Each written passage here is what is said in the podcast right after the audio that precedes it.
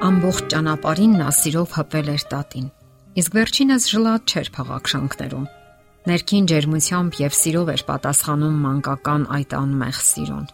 Նա գշկում էր աղշնակին, շոյում մեջքը եւ անում այն ամենը, ինչ միայն կարող էր անել մանկական այդ անկեղծ ու ջինջ սիրո գերին։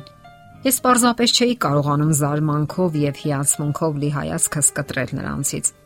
Այնքան ինքնամոռաց ու երանավետ էին նրանք տրվել միմյանց։ Իմ ողջ կյանքում ես չէի հանդիպել մարդկային այդպիսի հրաշալի սիրո ներկայացման։ Ինձ թվաց, որ երկինքն է մի պահ իջել երկիր։ Ես հասկացա, որ նրանք այդպես էլ կանցնեն իրենց հետագա ողջ ճանապարհը։ Միգուցե թորնիկը չէր ստանում սիրո այն բաժինը, որ ծնողները պետք է տային։ Թե մեկ այլ բան կար, չգիտեմ,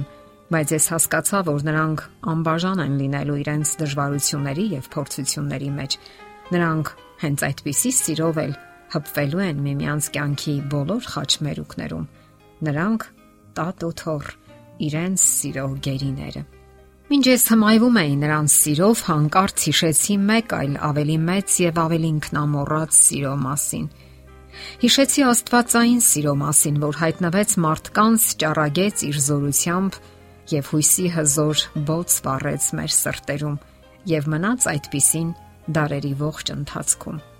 Այդ մեծ ու անշահախնդիր սերը Աստծո հայտնությունն էր դարերի խավարում մոլորված եւ անհույս քայլող իր զավակներին։ Այդ հզոր սերը փայլատակեց հարության հույսով եւ հավիտենական կյանքի անըմբռնելի խորհրդով եւ այդպիսին էլ մնաց դարերի մեջ։ Այդ սերը շոյում է եւ բոցավառում մեր մարած հոգիները, նաեւ ապրելու հույս ներարկում։ Մենք հմայվում ենք մարդկային սիրով, որոնում այն մեր ողջ կյանքում եւ շատ թեթևորեն մոռանում մի ավելի մեծ ու նվիրական սիրո մասին՝ Աստվածային սիրո։ Մենք թիթեռնիկներ ենք, որ խարխափում են գիշերային խավարում եւ հավաքվում մարմրող կայծերի մարդկային սիրո շուրջը։ Հետո այրվում ենք ու թևաթափ վայր ընկնում։ Մարդկային սերն ու լույսը խափուսիկ են, որովհետև մի օր կվերջանան։ Իսկ Աստվածային սերը երբեք չի ավարտվի Այն գալիս է անցյալի խորթից եւ գնում է դեպի հավերժը։ Ով ճաշակում է Աստվածային սերը, նա դառնում է այդ սիրո գերին։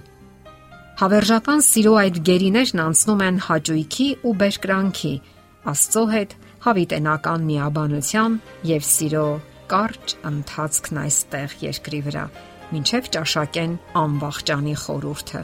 Աստծո հետ միասին։ Ահա թե ինչ էի խորհում ես տեսնելով տատի ու թորան գեղեցիկ միաբանությունն ու սերը։ Կարդալով Պողոս Արաքյալի Կորինթացիներին ուղված ուղերձի 13 գլուխը մենք համակողմանիորեն պատկերացնում ենք սիրո էությունը։ Երբ մենք կարդում ենք այդ սիրո փոքրիկ, սակայն տարողունակ օրհներգը, մեր սիրտը ճխում է Աստվածային սիրո ներկայությունից, եւ այն բերկրանք է պատճառում մեր հոգուն որովհետև սերը հրաշալի է եւ նա միաբանում է մարդկային սրտերը որովհետև այն կարևորում է մարդկային հարաբերությունները եւ իմաստավորում է մեր կյանքը, ինչպես եւ վկայում է Աստծո խոսքը։ Սերը երկայնամիտ է, սերը քաղցր է, այն չի նախանձում, չի գոռոզանում, չի հպարտանում, չի լրփանում, իրենը չի որոնում, չի գրգռվում, չարը չի խորհում, անիրավության վրա չի ուրախանում, բայց ուրախանում է ճշմարտության հետ։ Ամեն բանի հավատում է, ամեն բանի համար հույս ունի, ամեն բանի համբերում է։ Սերը երբեք չի վերջանա։ Սերը չի նախանձում։ Նախանձը ծնվում է համեմատությունից։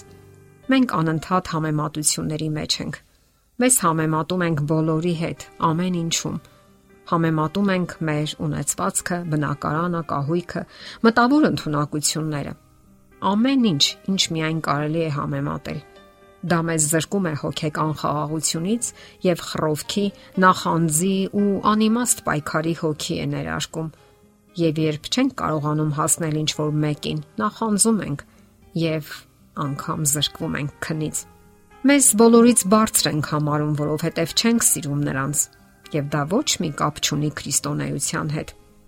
Մենք ամբողջ ուժով նշում ենք այս կամ այն տոնը, գեղեցկացնում ու զարդարում մեր տներն ու սեղանները։ տեղադրում ենք ամենագեղեցիկ ծաղիկներն ու ցնցող անձեռոցիկները, իսկ ահա մեր մեջ ամայություն է եւ անապատ։ Դիմացինին չենք սիրում եւ պատրաստ ենք տխուր դարձնելու նրա կյանքը մեր անհոգի ու վիրավորական վերաբերմունքով։ Իսկ չէ որ տոները կոչված են վեհացնելու ու բարձրացնելու մեր հոգևոր, հոգեկան արժեքները, բարոյական արժե համակարգը, նպաստելու ճշմարիտ քրիստոնեության տարածմանը, այլ ոչ թե ձևական ու անհոգի վերաբերմունքին, երբ լեզվի վրա ճոռոմ բարեր են, իսկ սրտում միայն նյութական աշխարհը։ Մենք կողմնապահ սեր ենք դրսևորում։ Սիրում ենք նրանց եւ հանդիպում նրանց, ումից ակնկալիքներ ունենք, ովքեր որպես թե հավասար մակարդակի են մեզ հետ։